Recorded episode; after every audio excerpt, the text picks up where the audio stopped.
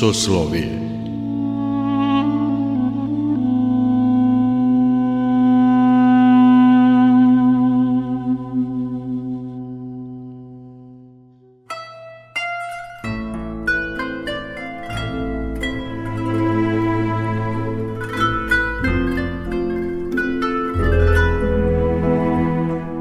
Slušate Soslovije, religijski nedeljnik Radio Novog Sada. Dobrodošlicu vam želi Mirjana Ranković. U večerašnjoj emisiji napravit ćemo rezime današnje proslave u Sremskim Karlovcima, a u pitanju je jubilej 100 godina od ujedinjenja Srpske pravoslavne crkve i ponovnog uspostavljanja patrijaršije – Na početku 20. veka do Balkanskih ratova srpski narod je u političkom pogledu živeo u četiri države. U Kraljevini Srbiji, Kraljevini Crnoj Gori, Austro-Ugarskoj i pod turskom vlašću u Staroj Srbiji i Makedoniji.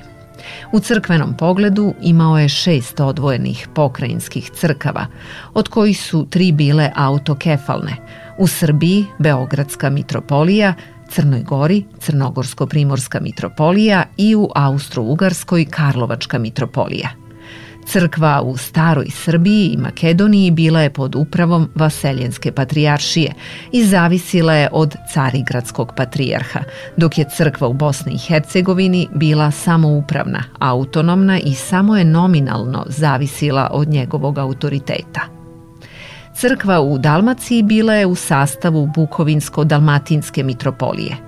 Dva ključna događaja, kraj Prvog svetskog rata i stvaranje kraljevine Srba, Hrvata i Slovenaca, omogućili su ujedinjenje srpskih pokrajinskih crkava – Ovaj proces, započet na samom kraju 1918. godine u Sremskim Karlovcima, u ovom mestu je i završen 12. septembra 1920. svečanim proglašenjem Srpske patrijaršije. Zašto je jedinstvo i sabornost toliko važna u današnje vreme? Otkriva vladika Sremski, gospodin Vasilije.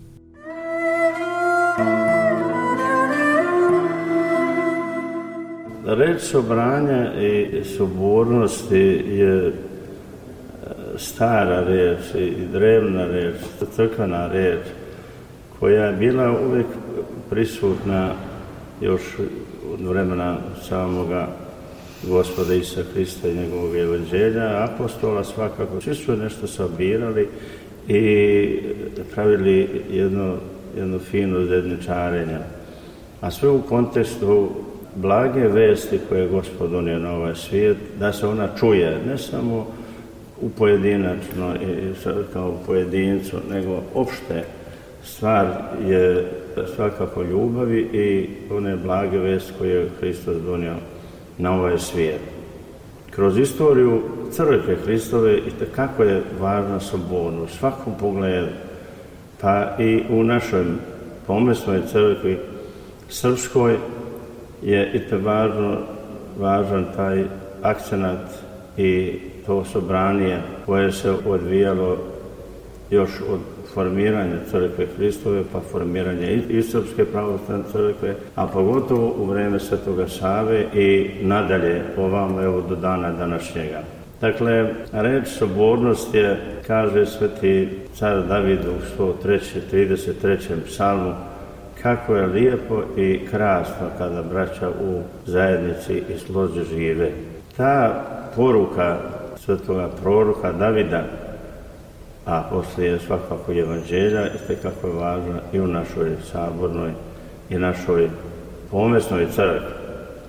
Ovdje u Sremskim Karovcima kao jedno od prekrasnih, jedno ubavo mesto u kome se to odvijalo i razvijalo, evo, do današnjeg dana. Pre sto godina ovdje se upravo u Sremskim Karlovcima u ono vreme kada se formirala i država Srba, Hrvata i Slovenaca, onda je crkva shvatila kada se desila punota vremena, onda je i crkva shvatila da treba da se ujedine i da izaberu poglavara svoje svete crkve, što su se svakako onda crkve koje su bile rasejane po raznim mestima, raznim destinacijama, onda su se ovdje u Sremskim Karlovcama 1918. godine, 1919. godine, a 1920. godine donešena je i odluka da se upravo ovdje u Sremskim Karlovcima izvrši akt ujedinjenja Srpske pravoslavne crkve,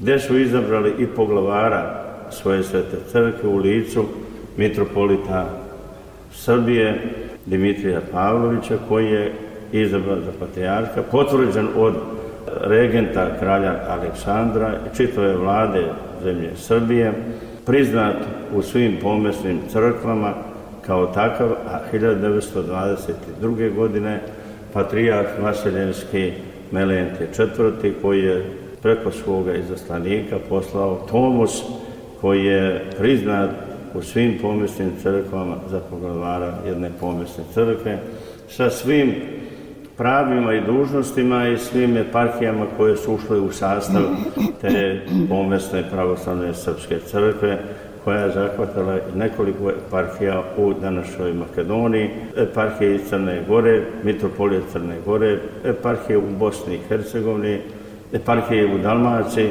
a svakako najuticajnije su bile eparhije i najaktivnije eparhije su bile u Karlovačkoj metropoliji, koja je zahvatala od Trsta, Budima, Pešte, Sent Andreje, Arada, Temišvara, Karasebeša, Transilvanije, preko Beograda opet do Trsta. To je bilo kanonsko područje Karlovačke metropolije koja je imala preko šest i sedam arhireja organizovanu crkvu, jednu od najorganizovanije srpskih crkava u ono vrijeme svakako i najuspešniju Tako da su se upravo izabrali su Karlovci koji su bili sedište onda mnogoljudnog srpskog naroda, pogotovo poslije seobe Srba a, pod Arsenim trećim, koji je doveo narod onda poslije Arsenija četvrti Šakambedom. Tako da ta rasejanja i seobe neprestano se pominju. Dakle, u današnje vreme u koje mi živimo, i sad pričamo o nekim deobama, seobama, rasajanjima, amo tamo, nažalost, najmanje se priča o zajedničarenju, o ljubavi, o praštanju, o... Mislim da je imperativ danas da taj fenomen i tu dragocenost e, malo pospešimo u svesti našeg naroda, I upravo je ovo momena gdje smo rasejani danas kao i ono pre 100 mm. godina, možda i više. Danas ima nas od Vancouvera do Novog Zelanda, širom Amerike, Evrope, Australije, Afrike, a gdje nas nema, sve Bože ti pomozi i sve smo rasejani i samo pričamo to. Zato da, da ovaj moment ujedinjenja proslave ili obilježavanja stogodišnjice ujedinjenja Srpske pravoslavne crkve jeste jako potreban i jako imperativ. Zato sam ja zamolio i umolio njegovu svetost da on u svom obraćanju srpskom narodu ovdje sa ovog pa, balkona ovoga prekrasnog dvora u Sredičkim Karlovicima se obrati narod i pošalje poruku ujedinjenja, sjedinjenja, praštanja, ljubavi, da pošalje poruku čitavom svijetu. I danas i u Rusiji, i u Ukrajini, i u Siriji, i u raznim drugim mestima. Samo su neke nesreće i, i, i nedaće ovoga naroda. A Bog nas nije zato stvorio. Bog nas je stvorio kroz svoju prizmu ljubavi, iz ljubavi. E ta ljubav treba da vrhuni i među nama i u dušama našim. Zato sam ja radostan da idući u susret ovom svetome danu, da to sve prođe u najboljem redu i evo trudimo se da osmislimo donekle kako je to onda bilo pre 100 godina, a ja se nadam da će nas Bog blagosloviti da i u ovim danima to zapamte djeca koja dolaze posle nas. Arhijerejima koji su se borili muški da za svoj narod urade što do nje stoji maksimum, da u onim vremenima i u tuđoj zemlji, Austro-Ugarskoj, koje su bile donekle naklonjene do te mere dok je srpski narod čuvao i branio i granice Austro-Ugarske, a s druge strane i njihove živote. Tako da su sa mukom izvojavali razne povelje, privilegije, otvaranje škola, otvaranje raznih institucija, želeći da ostave nešto za pokolenja koja dolaze. Dakle, ti ljudi, ja sagledavajući sa ove pozicije, duboko razmišljam i svakako shvatam da su ti ljudi imali i takako viziju za nas, djecu 21. vijeka. Da sve što su radili i što su se trudili i radili i borili, radili su za neka pokolenja koja će doći.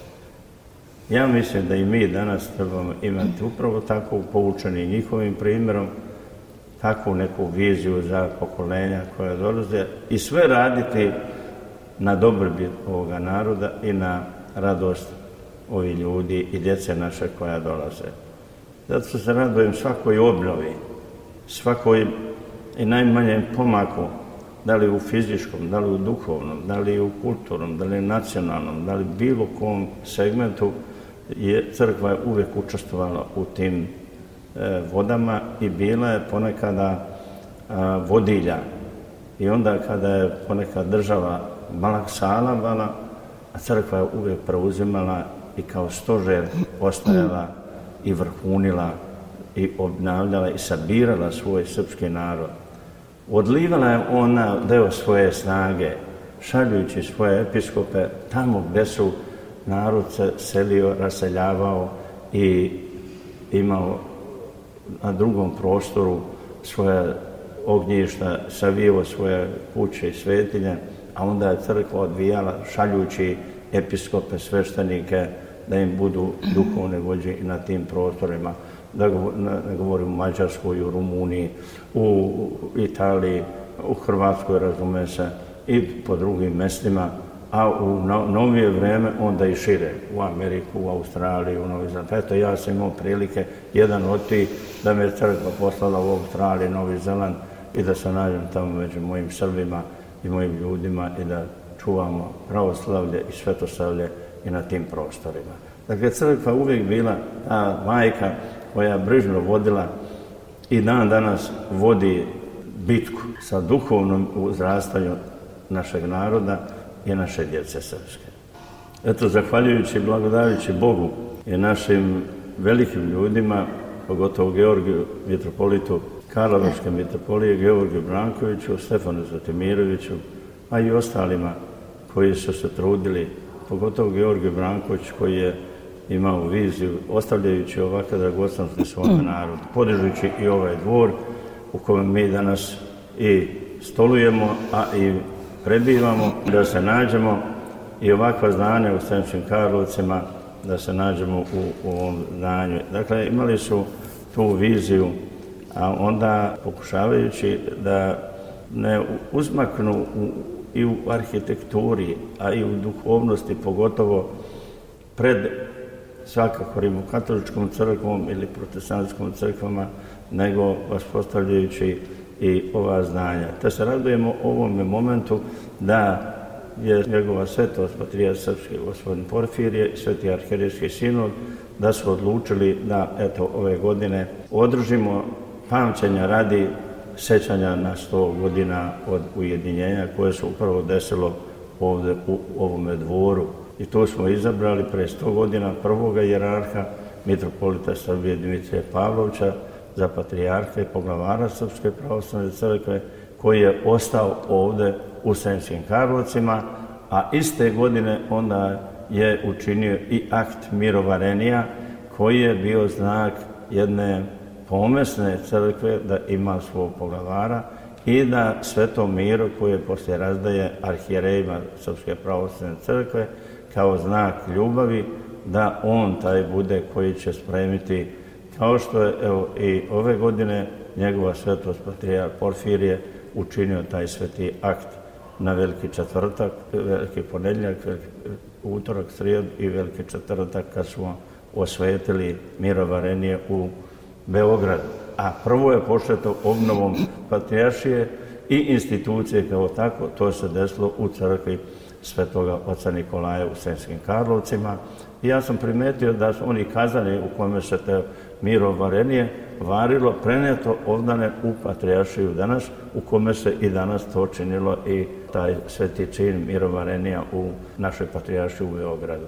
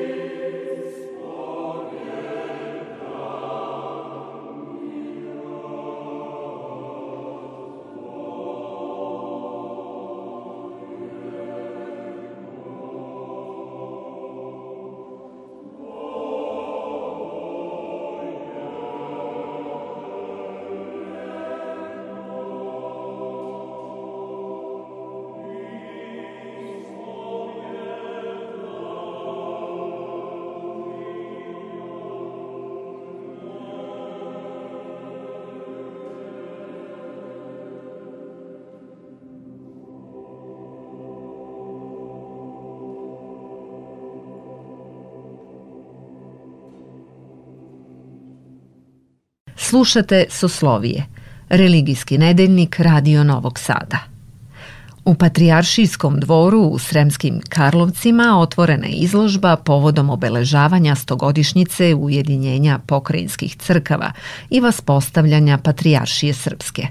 O rađanju ove izložbe pripoveda nam jedan od autora, istoričarka, muzejska savjetnica Muzeja grada Novog Sada Gordana Petković. Kako se rodila ideja za pravljenje ovakve izložbe?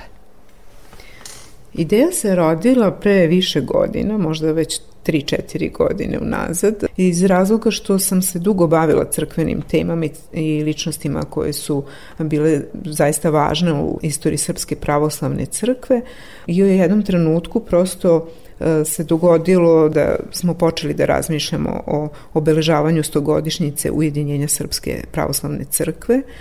Taj proces ujedinjenja započet je upravo ovde u Sremskim Karlovcima krajem 1918. godine kada su se istekli uslovi nakon Prvog svetskog rata i nakon ujedinjenja u novu državu Kraljevinu Srba, Hrvata i Slovenaca e, da se ujedine i delovi pokrajinske crkve.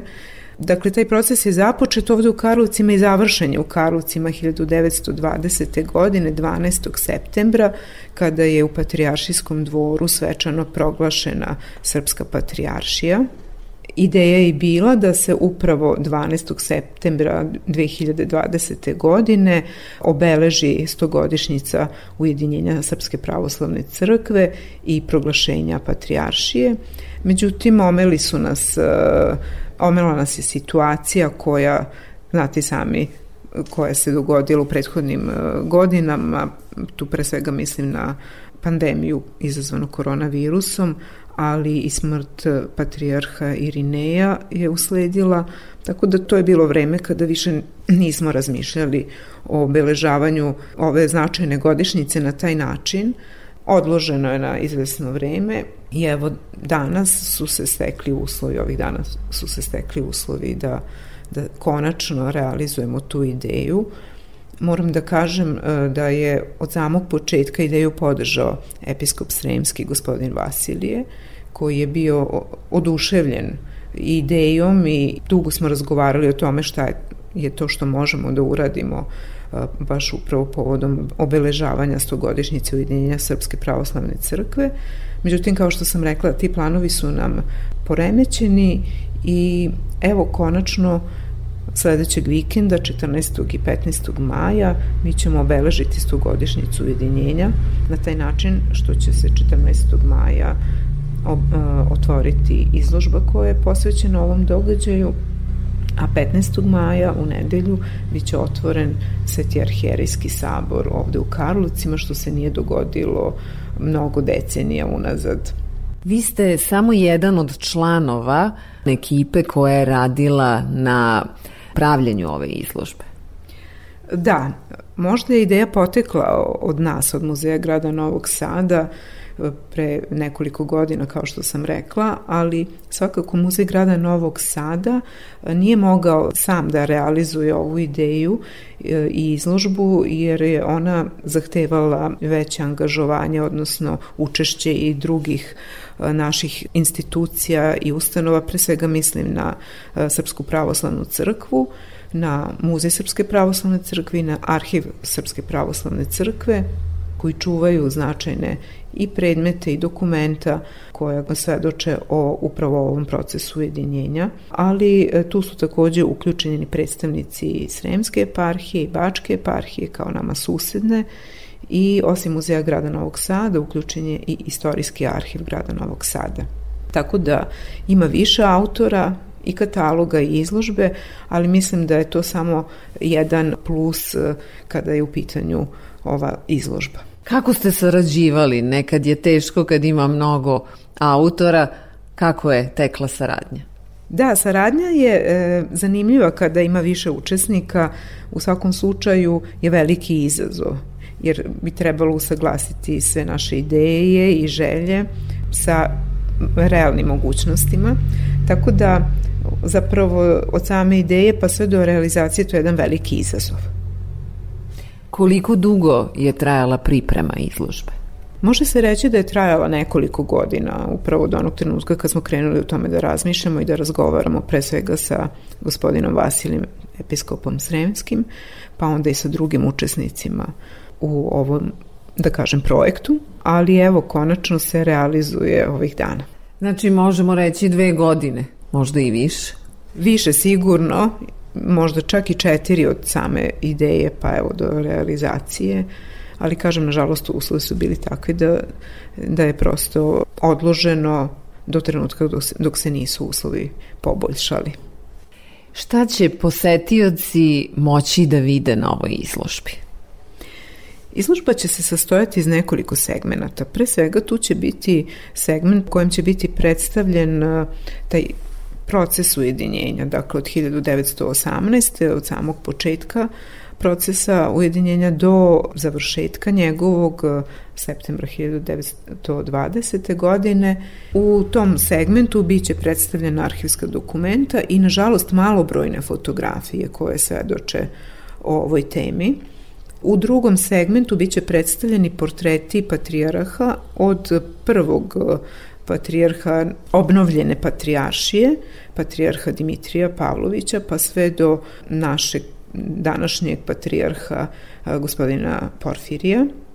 Takođe u ovom segmentu će biti predstavljene patrijaršijske insignije, što mislim da je redak slučaj da imamo priliku da tako nešto vidimo, A osim uh, patrijaršijskih insignija, tu će biti predstavljene insignije karlovačkih mitropolita i patrijaraha, što je, mislim, uh, ekskluzivno posle drugog svetskog rata uh, da će se moći videti ovde u Karlovcima, jer se one od tada ne čuvaju ovde. U trećem segmentu će biti predstavljeno ustoličenje patrijarha Dimitrija u Peći koje se dogodilo 1924. godine i možda bi valjalo istaći da je pored insignija patrijaršijskih e, i portreta patrijaraha, vredno istaće će biti predstavljen Tomas koji je e, dobijen pre tačno 100 godina, 1922. godine, od Carigradske patrijaršije, koji je označavao potvrdu autonomije Srpske pravoslavne crkve.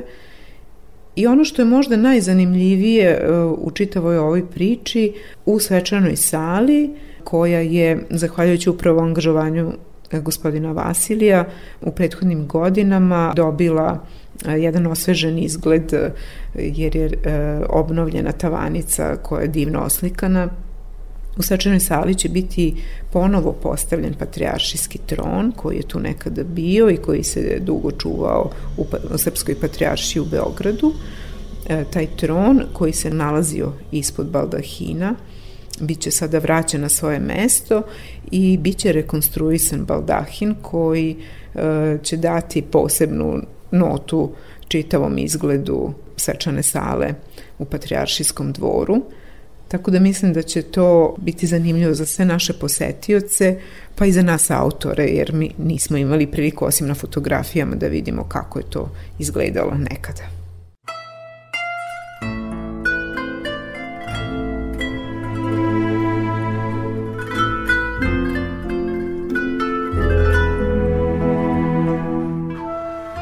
Kakve su istorijske prilike na Balkanu bile u vreme ujedinjenja Srpske pravoslavne crkve?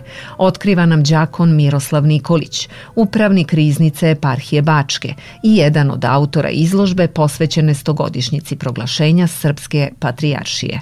Šta se tačno desilo pre, evo sada da kažemo, pre 102 godine? To i nije samo 102 godine, to je čitav jedan niz događaja u periodu od 1918. zaključno sa 1924. godinom koji su za cilj imali objedinjavanje svih onih crkvenih oblasti na kojima je živeo srpski narod, koje su se tada našle ne samo u novoformiranoj kraljevini Srba, Hrvata i Slovenaca, nego u svim oslobođenim krajevima, budući da smo u periodu pre toga imali u više, da kažemo, manjih organizovanih ili neorganizovane takozvane pomesne ili pokrajinske crkve, kao što je bila uh, Karlovačka mitropolija, kao što je bila Srpska crkva u Crnoj Gori, eparhije koje su, iako su bile pod uh, Carigradskom patrijaršijom, formalno su objedinjavale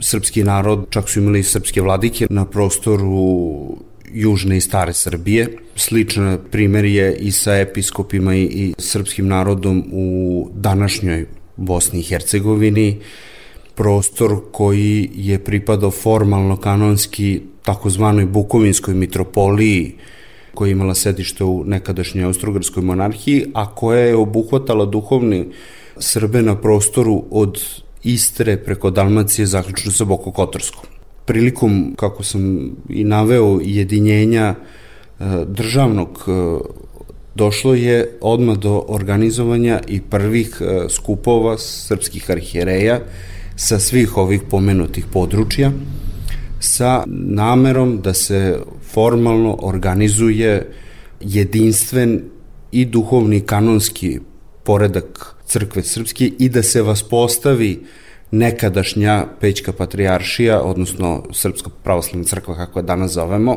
u jedinstvenu celinu onako kakva je bila do njenog ukidanja 1766. godine.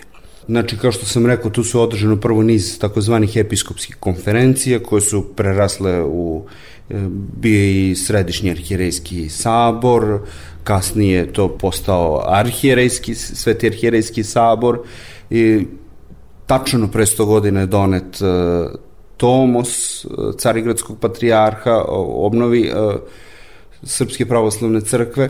Zato kažem, to je čitav jedan niz događaja koji je svoj vrhunac imao u svečanom ustoličenju patrijarha Dimitrija Pavlovića, do tadašnjeg mitropolita Beogradskog i Kraljevine Srbije, koji je izabran za srpskog patrijarha 1922. godine, znači 1924. on svečano ustoličen u tron uh, srpskih patrijaraha u manastiru Pećka patrijaršije Kosovo i Metohije. Čitav ovaj niz događaja koji spominjem, koji, smo, koji sam naveo, je kroz jedan niz dokumenata, fotografija, predmeta prikazan na ovoj izložbi.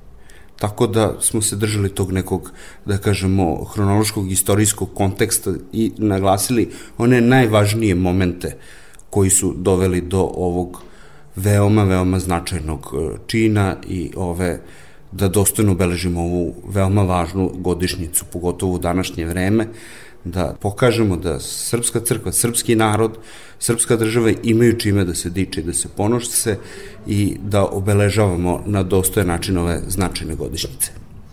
Nije možda loše podsjetiti se pod kojim okolnostima je 1766.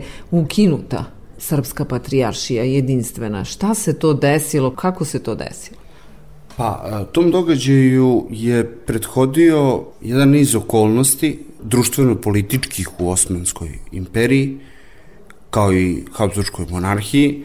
Naravno, budući da je Pećka patrijarša obuhvatala i objedinjavala Srbe sa obe strane Save i Dunava, to je smetalo između ostalog tadašnjim turskim vlastima, te veze praktično, iako su duhovno potpadali Srbiju Habsburgskoj monarhiji pod Pećkog patrijarha, oni su bili podanici druge države. Veliki nameti koji su od strane Osmanske imperije bili nametnuti su doveli do velikih e, poteškoća u materijalnom finansijskom stanju tadašnje srpske crkve, mnoge eparhije su bile opustele, nedostatak kadrova, nemogućnost školovanja, kad sve to stavimo u kontekst da su određen broj stanovništva srpskog bio prešao islam, nije imao mogućnost da se školuje i obrazuje.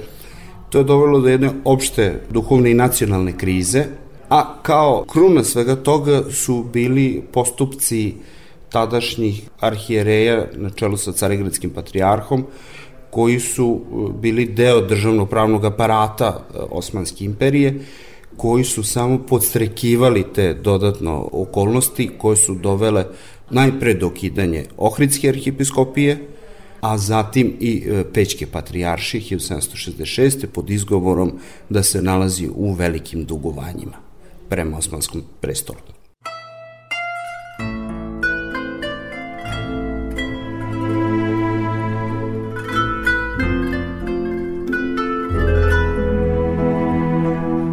Obeležavanje stogodišnjice ujedinjenja Srpske pravoslavne crkve i ponovnog uspostavljanja patrijaršije zajednički je poduhvat Muzeja grada Novog Sada, Arhiva Srpske pravoslavne crkve i Muzeja Srpske pravoslavne crkve iz Beograda, kao i Bačke i Sremske eparhije.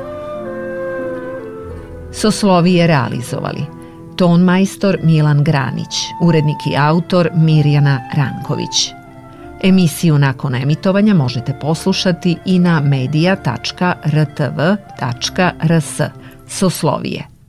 Radio Novi Sad